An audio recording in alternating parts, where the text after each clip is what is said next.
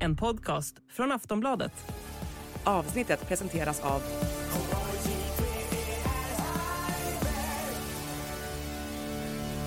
Stödlinjen.se, åldersgräns 18 år.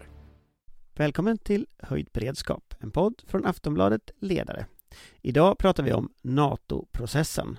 Blir det en tvåstegsraket som DN idag avslöjar eller eventuellt en trestegsraket eller en fyrstegsraket eller ja, ni får höra själva. Välkommen! Vår beredskap är god.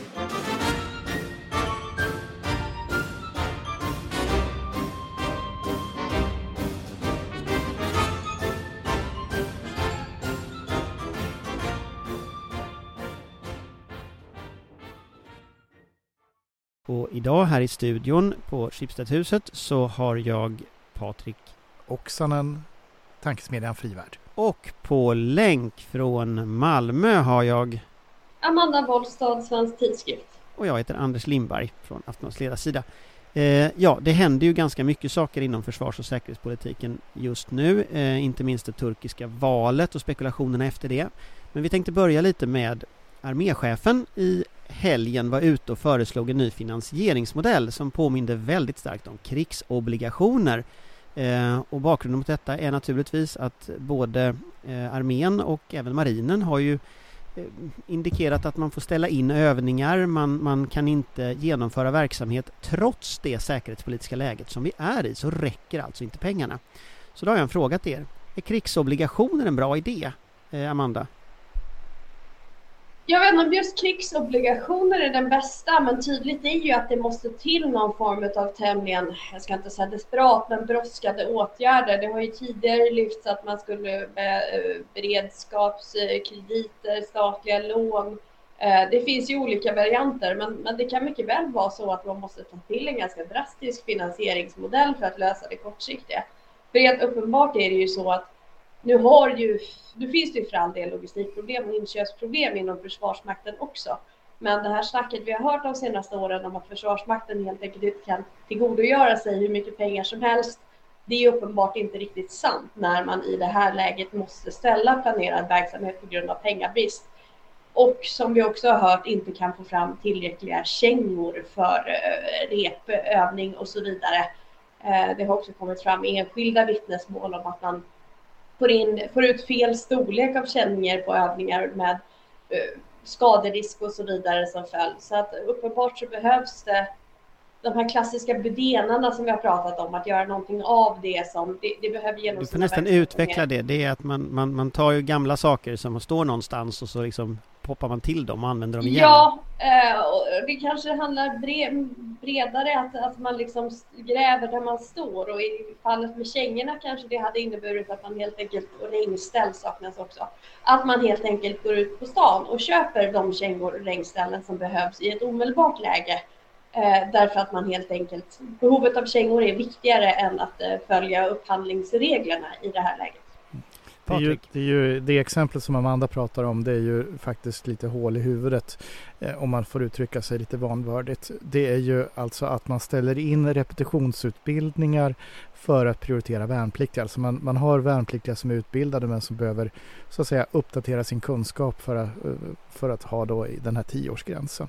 Som då inte får göra sin repetitionsutbildning för att kängor och regnställ inte räcker även till de nyinryckta värnpliktiga. Det här är ju ingenting som är, är bra på något sätt. Eh, så din fråga eh, då, krigsobligationer eller Men är- men det- försvarsobligationer, här, bra eller dåligt? Bara, får jag bara liksom så här, för det här med kängorna och så, det är väl en sak? Att man, eh, det, det Jo, känns ju, jag ju skulle- ett kom, ja, Jag skulle ju svara på din fråga här. ja, Ja, du kom, om bra du eller kan komma till den. Ja, jo, den jag försökte komma till. Men du var så otålig. Jag ville bara förstärka det Amanda sa. Okej, Ja, förlåt. Eh, förlåt kära lyssnare, eh, vi, vi är lite ostrukturerade här och otajmade. Jag skulle uttrycka så här, ja vi behöver göra någonting drastiskt för att öka på Eh, då investeringarna i försvar.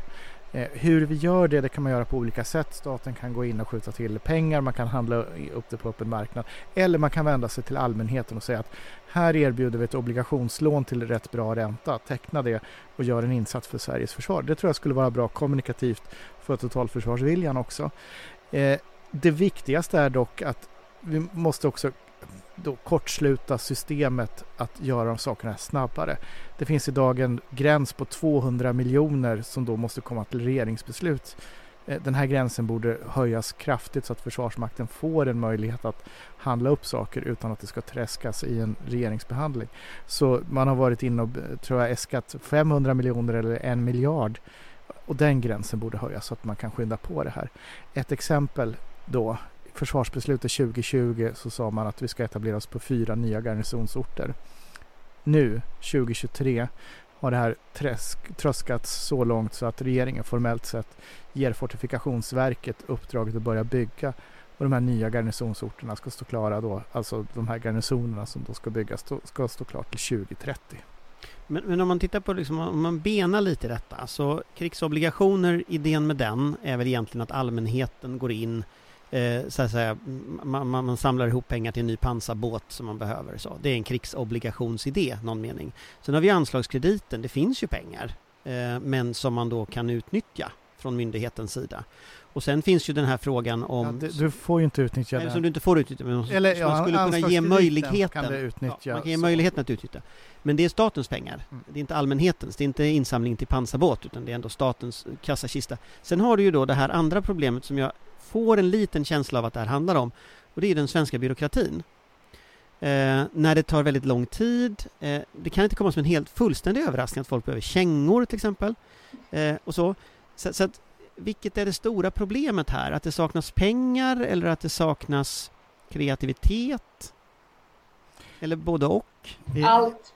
Det saknas. Ja, men det är ju, ja, men det är ju så. Ja, men ni alltså, förstår det... vad jag är ute efter. Jo, men, men det, det, är en kombination. Alltså när det gäller just kängor och sånt så tror jag det saknas kreativitet och är en, en byråkratisk stelbenthet.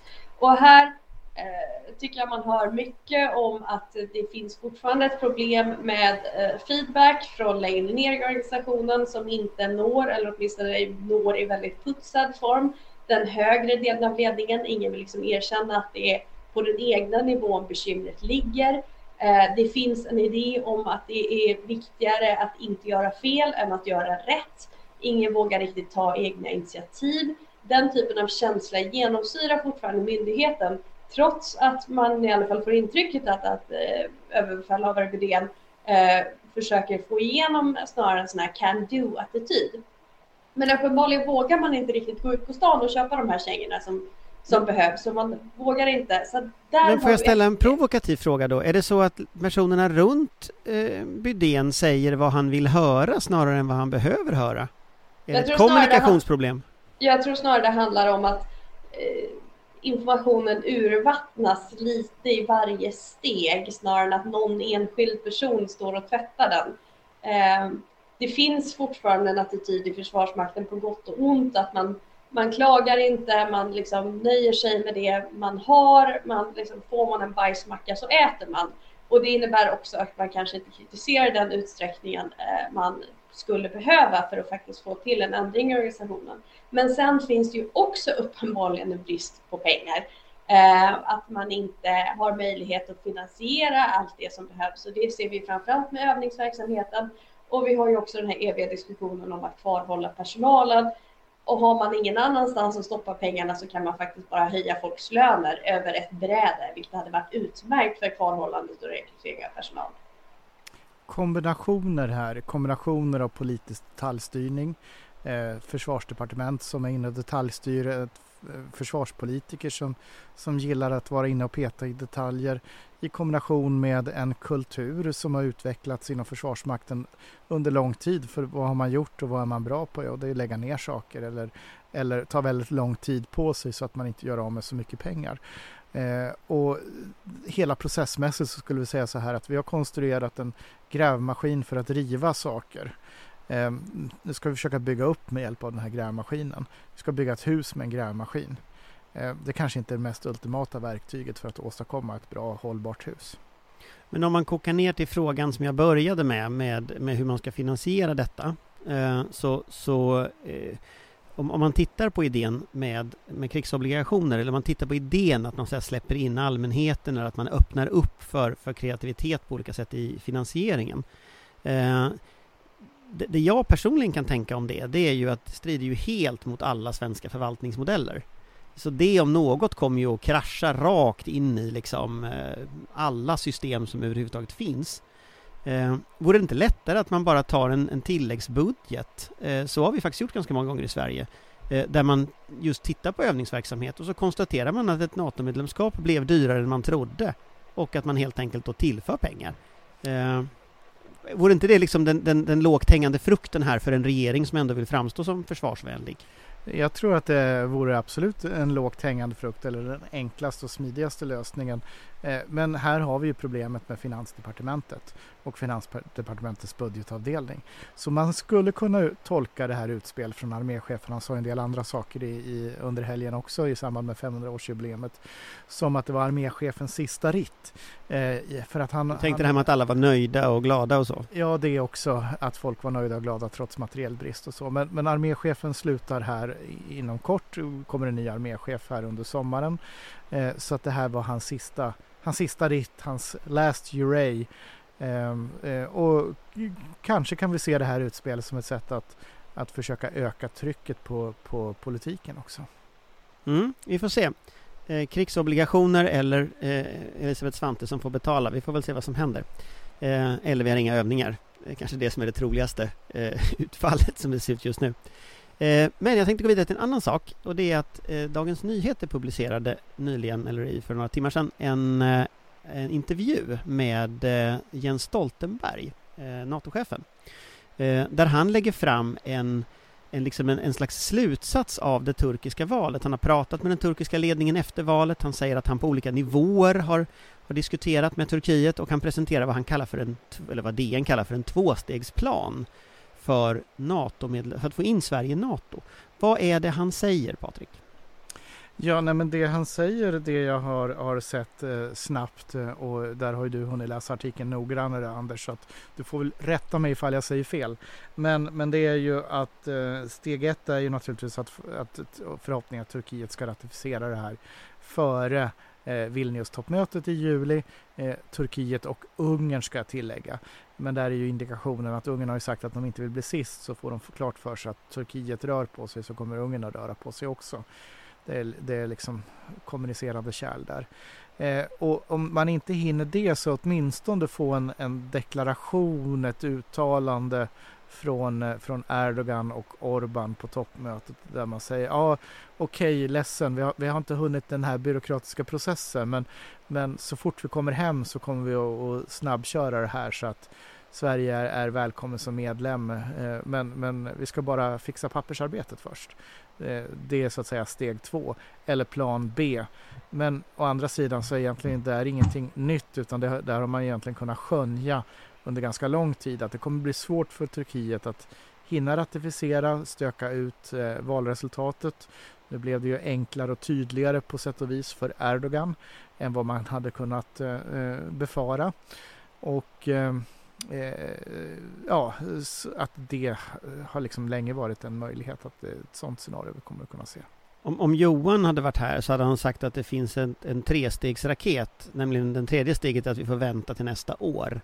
Eh, vad, vad, det har han sagt hela tiden. Eh, vad tror du, Amanda? Den här, första steget är ju att man väntar och ser lite och nästa steg är att man väntar under toppmötet. Eh, för mig låter inte det så mycket som tvåstegsraket. Det låter mest som att man väntar och ser. Vad är alltså, det troliga här, tror du? Jag vänder mig också lite mot att kalla det plan B, ärligt talat. För att det, det är ju inte en plan B. Det är ju lite olika taktiker för att få till ett medlemskap. Eh, så att det är ju inte att ge upp eller backa på något sätt. Jag tyckte också det var intressant det som eh, Stoltenberg sa, nu ska jag ta fram citatet som jag sparade ner här. Ehm, att det är, Sverige bör ratificeras oberoende av andra frågor. Sveriges medlemskap är berättigat i sig självt och kommer stärka NATOs och Turkiets säkerhet. Och det är ju det man har varit tydlig med hela tiden. Eh, och det har ju varit mycket diskussioner igen om eh, amerikanska flygplan och det har vi diskuterat också. Och det är ju naturligtvis påtryckningsmedel. Men kontentan är ju någonstans att, att både Turkiet och Ungern är fel ute som gör någon slags eh, annan politisk fråga om medlemskapet. Och jag tror att Sverige och processen vinner på att vi tar tillbaks det här till grundfrågan, det vill säga skulle Sverige stärka NATO? Eh, finns det några liksom, säkerhetspolitiska eller riktiga skäl att neka medlemskap? Och det gör det ju egentligen inte. Så att jag tror att han gör en god poäng att gå tillbaks till det. Och sen så får man ju se, det går ju inte att tvinga de här länderna. Ungern har ju sagt att de inte kommer vara de sista som eh, nekar Sveriges medlemskap. Och, och håller de sig till det så är ju det en mening löst förr eller senare. Då, då bär det ju på Turkiet igen. Och där har vi pratat om hur man backar på den här frågan och ändå räddar ansiktet i en politisk fråga man har stuckit ut hakan i ganska rejält. Ehm, och det får vi se, men, men någon plan B är det ju egentligen inte, utan det här är bara för att planera för alla eventualiteter. Och den, den eh, sista steget i det, eh, om, om, inte, om inte det skulle hända en deklaration på Vilnius-toppmötet och frågan hänger i luften, då är ju nästa stora anhalt är ju Natos 75-års jubileum i Washington i, i eh, våren 2024. Och, och, om vi missar den eh, så att säga milstolpen, då börjar det bli svettigt. Men, men eh, det, det är väl liksom den tripp, trapp, trull som man får se där. Före Vilnius, under Vilnius, efter Vilnius, men före Washington. Så trestegsraketen kan vara en fyrstegsraket om vi har otur? Det kan vara på Washingtonmötet som de ska tvinga Erdogan att säga ja? Ja, det, det, är ju den, det är ju, det är fjärde steget. Då. Det är fjärde steget då. Ja, och fem, femte steget då, då har vi ju en krasch som, som inträffar efter det eftersom vi kliver in i amerikansk presidentval. Och sen vad som händer då, eh, det vet blott Gud. Ja men riktigt så illa men nu, nu, nu hoppar vi Gud eh, i sammanhanget tycker jag eh, och tänkte jag byta till, till Luleå eh, istället och då är det så att Blinken, Antony Blinken, USAs eh, utrikesminister var där igår och sa bland annat att Sverige kan bli NATO-medlem i sommar och han underströk också USAs stöd. Han sa, för att vara helt exakt, ur USAs perspektiv är det dags nu. Hur tolkar du det här, Amanda? För USAs perspektiv, de har ju alltid varit otroligt tydliga och det gick ju också väldigt fort för amerikanerna att ratificera oss eh, trots en hel del man är ju oenig om mycket annat av internpolitiska skäl i USA, men inte just detta, vilket ju också var ett styrkebesked. Eh, för USA så är ju Sveriges medlemskap eh, väldigt viktigt av både geografiska skäl, men också de kompetenser vi har man kan väl säga att USA har det NATO-perspektiv som Turkiet tycks sakna, det vill säga att ett svenskt medlemskap är bra för NATO och bra för NATOs säkerhet. Eh, och de börjar nog vara ganska less på det här. Det tror jag i och för sig fler blir, men kanske framförallt amerikanerna. Där har man ju återigen lyft eh, F16-frågan eh, och tycker jag är ganska tydliga med Turkiet att man börjar få lite bristande tålamod i den här frågan. Så där har vi ju kanske bland våra, våra största supporters och de ligger nog på, på alla möjliga sätt för att vi ska bli godkända så snart som möjligt. Och att de är positiva, ja det är naturligtvis en, en politisk markering för att visa optimism, men, men det är också lite anledning till optimism. Men jag tänker på, han, han var ju också, han var ju otroligt tydlig också med det som också Stoltenberg pratade om med att, att Sverige inte, eh, att man inte kommer så att säga, lämna Sverige därhän. Eh, exakt så sa, sa Blinken, vi kommer inte att tolerera någon form av aggression mot Sverige. Eh, hur nära försvarsgarantier skulle du säga att det där egentligen är? Alltså under den tiden vi pågår medlemsprocessen så måste jag säga att jag inte alls bekymrad. Eh, även av rent krassa skäl, hur skulle det se ut om man tillät ett, ett land under en pågående medlemsprocess bli attackerad av en, yttre fiende? Det är naturligtvis en fullständig orimlighet att det skulle sänka NATOs trovärdighet. Eh, men det handlar ju om under medlemskapsansökan och det är ju återigen avvägningar på om det händer någonting samtidigt och så vidare. Så att jag känner mig ganska trygg med det. Men det är ju ingen ersättning för en formell långsiktig säkerhetsgaranti utan detta är ju någonting under pågående ansökningsprocess. Men, men jag tänker att i, försvar, i, i det här ursprungliga vad heter, propositionen och den diskussion som hade när, när den lades fram till riksdagen då var ju dåvarande regeringen jättetydliga med att just den här perioden mellan ansökan och fullt medlemskap är en förhöjd risk. Eh, och då pratar man inte bara om militära operationer utan det är ju alla möjliga så att säga hybridvarianter som skulle kunna ske. Eh, vad är det han försöker signalera här? Eh, ändrar han retorik eller inte? Ja, jag skulle säga att det finns en kontinuitet i den amerikanska retoriken och om vi går tillbaka till den tid då Biden var vicepresident och besökte Sverige eh, då sa han ju att det här är okränkbart territorium om jag minns rätt. Eh, så att det finns ju en, en kontinuitet i att USA har signalerat en, en, eh, ja inte en bindande försvarsgaranti men, men att, att ett angrepp ett, ett isolerat angrepp från Rysslands sida på Sverige skulle få mycket allvarliga konsekvenser och att, att eh, USA skulle inte låta det ske eh, utan att kliva in och på olika sätt stötta. Eh, sen vad den stöttning är om man inte är NATO-medlem, ja det kan man ju möjligtvis då fundera på och se i, i fallet Ukraina att det handlar om omfattande vapen och stöd och underrättelsesamarbete och, och eh, utbildning och, och sådana där saker. Det behöver inte nödvändigtvis då vara amerikansk trupp även om det faktiskt är, är mer troligt att det skulle vara det. Eh, så att jag, jag, tycker att man kan se en kontinuitet i, i, i det. Och vi ska också komma ihåg att under Trump så sa ju också Jim Mattis att eh, rent ut till Mikael Holmström om att, eh, att eh, jänkarna har vår rygg om det så skulle behövas. Eh, så så jag, jag, ser mer kontinuiteten i det än, än att det är nytt. För, för, att det här är ju ena vågskålen, det norra Europa, att man signalerar, det är ju ändå ganska tydligt eh, signalerat här av både Anthony Blinken och, och, och, och, av Stoltenberg. Å andra sidan så ser vi ju nu att man börjar träna piloter, ukrainska piloter på F16. Så att det sker ju också en, jag menar man har gått från att säga att man ger pansarvärnsvapen och lätt luftvärn till att man ger eh, omfattande stöd på marken och nu även framöver då antagligen i luften att det ligger ju helt klart i tangentens riktning, sen vet man ju inte volymen liksom av detta.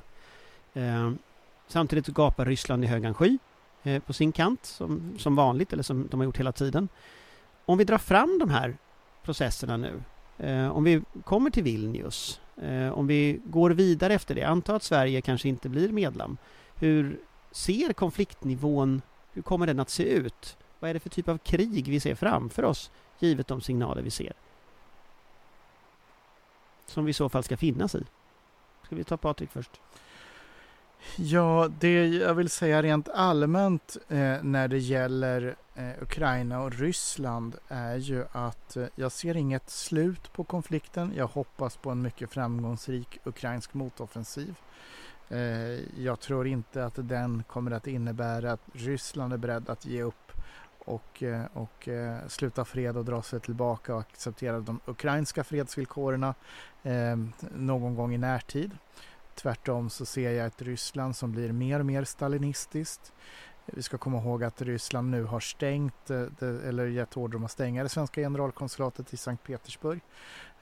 Det kom också nu besked om att det finska generalkonsulatet i Sankt Petersburg ska stänga och även dess sidokontor i Petrozavodsk och Murmansk.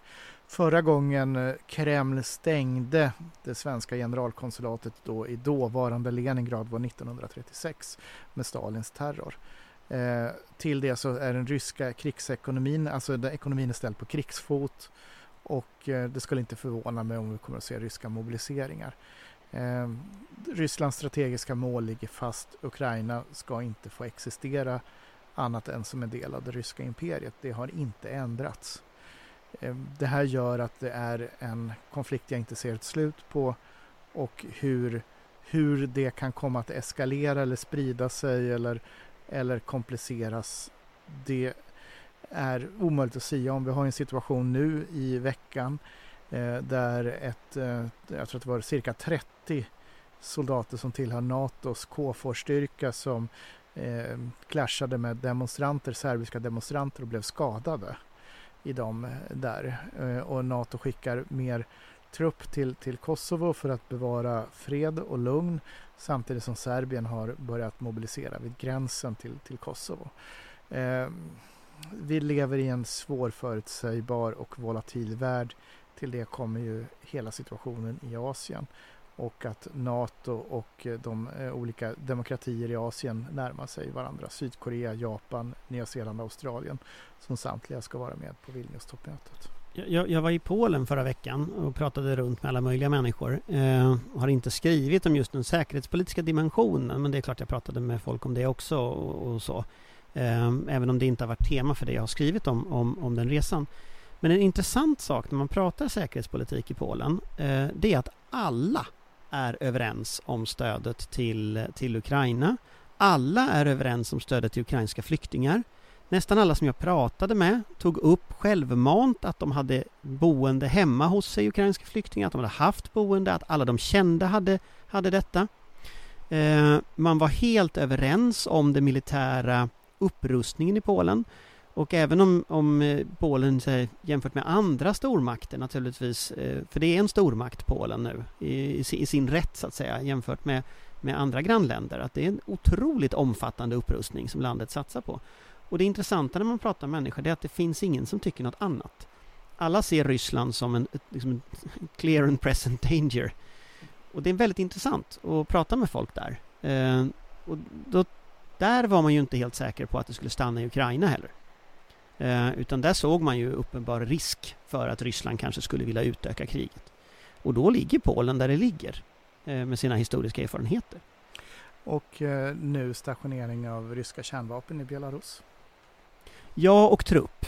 Så att, så att det, det, det var ju uppenbart att, att, så att säga, mindsetet hos de människor som, som tänkte eh, kring den, den typen av frågor var att det här var inte bara inte slut som du sa, utan att sannolikheten här är en eskalation, eller att det finns en risk för eskalation eh, framöver. Men det är ju ja, det är verkligen inte så konstigt. Alltså dels finns det ju den geografiska aspekten. För Polen är ju det här att jämföra med att eh, Finland skulle attackeras. Alltså det är ju ändå ett väldigt nära grannfolk. Sen har vi också den historiska aspekten och vi pratar ju ibland halvt på kamp halvt på allvar om, om Ryssland som arvsfiende, men i Polen så är det ju verkligen så och det är ju in i våra dagar på ett mycket direkt sätt. Polen har ju en traditionell självbild av att vara liksom gränsen mellan öst och väst och att man har tagit väldigt många smällar därför att man har varit försvarare av, av liksom den västliga gränsen, av västliga ideal. Det finns en religiös dimension av det här, eh, den katolska kyrkan och så vidare. Så att det här är ju jag tror inte att det här är, förvånande för polackerna utan man har alltid levt med en realitet likadant som Baltikum. Man har i en mening alltid väntat på att detta kommer att ske. Eh, och man har naturligtvis en, en väldigt omedelbar eh, oro för den egna säkerheten. Eh, därför att det var inte så länge sedan man var under, under Moskvas klack. Eh, och det har man varit i, i perioder i historien under alla möjliga format. Eh, så det är väl, vad var det, hemvärnschefens mormor, farmor sa, en ryss är en ryss även om man steker dem i smör. Den, det svenska, finskt, den svenska hemvärnschefen med, med finsk ja. Förlåt, den svenska hemvärnschefens finska ja. mor eller farmor. Jo, nej, men det är väl ett finskt uttryck. Ja, så det, är väl... ja det finns det, precis. Eh, att eh, Polen har ju lidit under eh, Moskvas förtryck oavsett hur ledningen i Moskva har sett ut för tillfället. Så där finns det kanske en djupare skepticism mot att så mycket ändrades med statsskicket senast heller. Eh, och jag menar, det, det är återigen den här svenska, svenska självbilden, den svenska exceptionalismen. Eh, hade vi lyssnat mer på Polen och Baltikum framför allt från början så hade vi inte befunnit oss i den situationen vi gör idag Eh, gällande vår egen säkerhet. Och i avdelningen lyssna så kan vi bara titta på vad de nu lägger i försvarsbudgetar och vad man planerar för. 2% av BNP det är passerat. Det är 3% eller högre. Eh, och eh, det är någonting som den svenska debatten inte har hunnit ta till sig.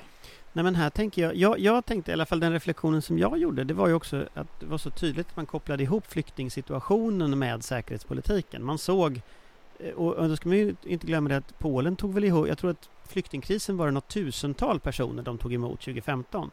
Och här har ett antal miljoner personer passerat och beroende på vem man pratade med så finns det två miljoner, en miljon kvar i Polen i dagsläget. Så det var lite olika siffror, jag lyckas inte riktigt reda ut vad som var sanning och, och inte där, för att folk reste tydligen väldigt mycket över gränsen fram och tillbaka. Men i det omedelbara skedet, då passerade ju väldigt stor del av de flyktingar som sen kom till andra delar av Europa, passerade ju Polen. Och, och, och det är klart att det var helt självklart för människor att ta emot dem. Det finns ett litet parti, eh, ska jag säga, som är lite mer Kremlvänligt, som också finns i Sejmen, som heter Konfederatia, som är liksom lite mer rysk, ryssvänligt. Men de är liksom en marginalkraft. Eh, och det där var otroligt fascinerande att se, att, att där har vi ändå frontlinjen. Polen, eh, Estland, Lettland, Litauen, Finland. Det är trots allt där den riktiga gränslinjen går. Och där är ju debatten väldigt, väldigt tydlig.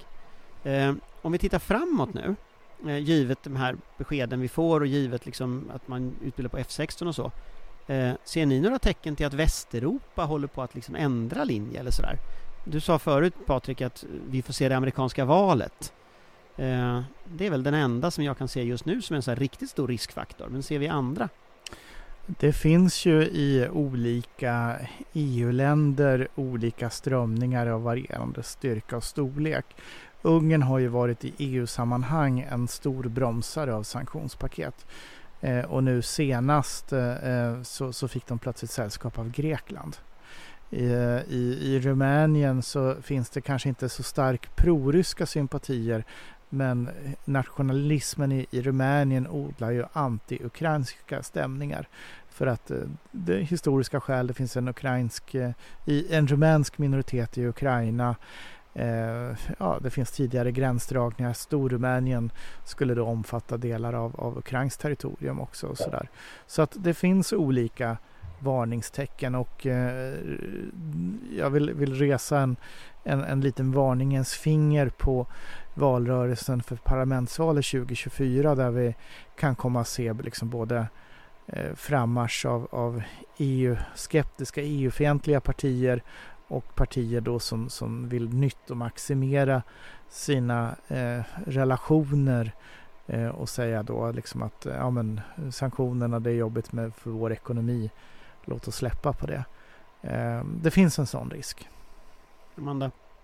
Ja, och sen finns det ju också en risk att eh, kanske snarare än att man ändrar sig i sakfrågan att det blir fokusförskjutning. Eh, vi har ju en mening haft lite tur nu med det svenska ordförandeskapet och vi har haft under många år en tydlig nordisk ledning eh, av NATO. Nu är det snart Spanien som ska bli ordförandeland. De kommer ganska omedelbart i sitt ordförandeskap ha eh, vad som förespås bli ett ganska stökigt nationellt val där detta kan komma upp på agendan vi vet ju generellt att Sydeuropa har lite annat fokus och lite annan hotbildsanalys än vad vi har i norra Europa. Ryssland ligger inte riktigt lika nära. Och vi vet ju inte heller, det är ju fortfarande sagt att Stoltenberg ska avgå i är det augusti eller september eh, och att han inte vill bli övertygad om att stanna kvar och vi vet inte ännu vem som ersätter honom. Eh, det är väl kanske inte helt osannolikt att de sydligare medlemsländerna tycker att det har varit lite mycket Norden och Skandinavien ett tag. Eh, och det kan ju också innebära en fokusförflyttning eller en splittring av fokus. Så det är, tycker jag är ett lite, litet varningstecken. Och sen ett, ett till ordförandeland 2024 i EU, Ungern. Ja, jo, nej, men det, det, kommer att bli mycket spännande. Eh, alltså tittar vi på det turkiska valet nu, som det här ju all, allting detta är ju svallvågor i någon mening i alla fall, att liksom NATO-processen, vad, vad händer med den och sådär, det är ju svallvågor efter det turkiska valet. Eh, om jag bara som en avslutande fråga nu, för det, det var ju förra helgen, eh, för två veckor sedan innan det så vann ju eh, Erdogans AK-parti med, eh, vann ju då en, en, eh, en eh, majoritet i parlamentet. Nu vann eh, Erdogan en majoritet då, eller vann, jag vet inte man ska, me, hur meningsfullt det är att beteckna som ett val, men han, han blev i alla fall vald eh, då eh, i, det här, i den här eh, processen eh, till president igen. Eh, så nu är ledningen konsoliderad. är Sverige i ett bättre läge skulle ni säga nu än innan valet? Eller tror ni att han liksom har något nytt kort att spela nu som vi inte har liksom förväntat oss? Är det färdigt med sådana utspel nu eller vad tror ni? Nej men eh, det är ju eh, också kommunalval i Turkiet eh, våren 2024. Eh, det finns de som spekulerar i att han vill ha Sverigekortet för det är rätt bra att skrämma barnen med Sverige håller jag på att säga ehm, i det här sammanhanget. Så det finns de som argumenterar för att han, han har inte mjölkat det här färdigt ännu. Eh, men det blir väl en kombination av vad har han att vinna på att släppa genom Sverige? Vad har han att förlora i kostnader och relationer? Den turkiska ekonomin är urusel. Ehm, så, så den kalkylen, eh, hur den ser ut i sultanens palats, det är den vi sitter av alla och bara eh, spekulerar och gissar kring. Men om vi antar att de godkänner Sverige på Vilnius, Amanda, hur lång tid kommer det att ta för dig att förlåta Turkiet? Oh, ja, jag vet inte höll jag på att säga. Jag har nog kanske större problem med Turkiets nuvarande politiska ledning än att de är sega och godkänna Sverige som NATO-medlemmar. Eh, så det är väl kanske en, en, större bekymmer där. Men det är klart att det kommer påverka dem som, eller påverka bilden av både dem och Ungern som, som internationell partner och som säkerhetspolitisk partner. Och eh, även var de egentligen står i den här eh, nya kampen mellan öst och väst. Eh, kanske, därmed inte sagt att de, de spelar på fler planhalva men att man uppenbarligen är villig att Eh, spelar ganska högt med Europa och NATOs säkerhet eh, för egen vinning och att man utnyttjar situationen. Det är ingen jättesmickrande bild, det är det inte. Skulle du kunna tänka dig åka på semester till Turkiet? Nej, den, eh, den, det, det, det lär inte ske, ske närtid. Nej, tyvärr. Men, men jag måste säga att Istanbul är en fantastisk stad att besöka den dagen det har blivit lite bättre eh, i Ankara. Jag är glad att jag var där innan allt det här, precis som jag är glad att jag hann besöka eh, Ryssland innan allt det här. För att eh, det, nu dröjer det nog ett tag. Risken är väl att det tar ganska länge innan man kan besöka någon av de där ställena. Mm. Eh, ja, men man kan väl konstatera att vi fortfarande inte vet, men vi har en eventuell fyrstegsraket framför oss eh, när det gäller NATO-medlemskap. Eh, först inför toppmötet, sen under toppmötet, sen efter toppmötet och sen inför 75-årsjubileet i Washington. Och då kommer det kanske bli så att Johan Victorin, som hela tiden har sagt 2024, kommer att få rätt i slutändan. Och det vore naturligtvis förfärligt för oss alla. Ja. Men, men det här med alla våra NATO-diskussioner och när vi blir medlem, det börjar ju nu mera likna någon slags ältande hos terapeut. Jo, jag har funderat på att klippa ut de olika gissningarna och lägga dem efter varandra. Men med detta eh, så gissar vi i alla fall, vi hoppas fortfarande på Vilnius. Eh, även om den där tvåstegsraketen kanske blir en ganska många steg till slut. Men det var allt vad vi hade idag. Eh, tack så mycket och eh, på återseende. Hej hej! Tack och hej! Tack och hej! Vår beredskap är god.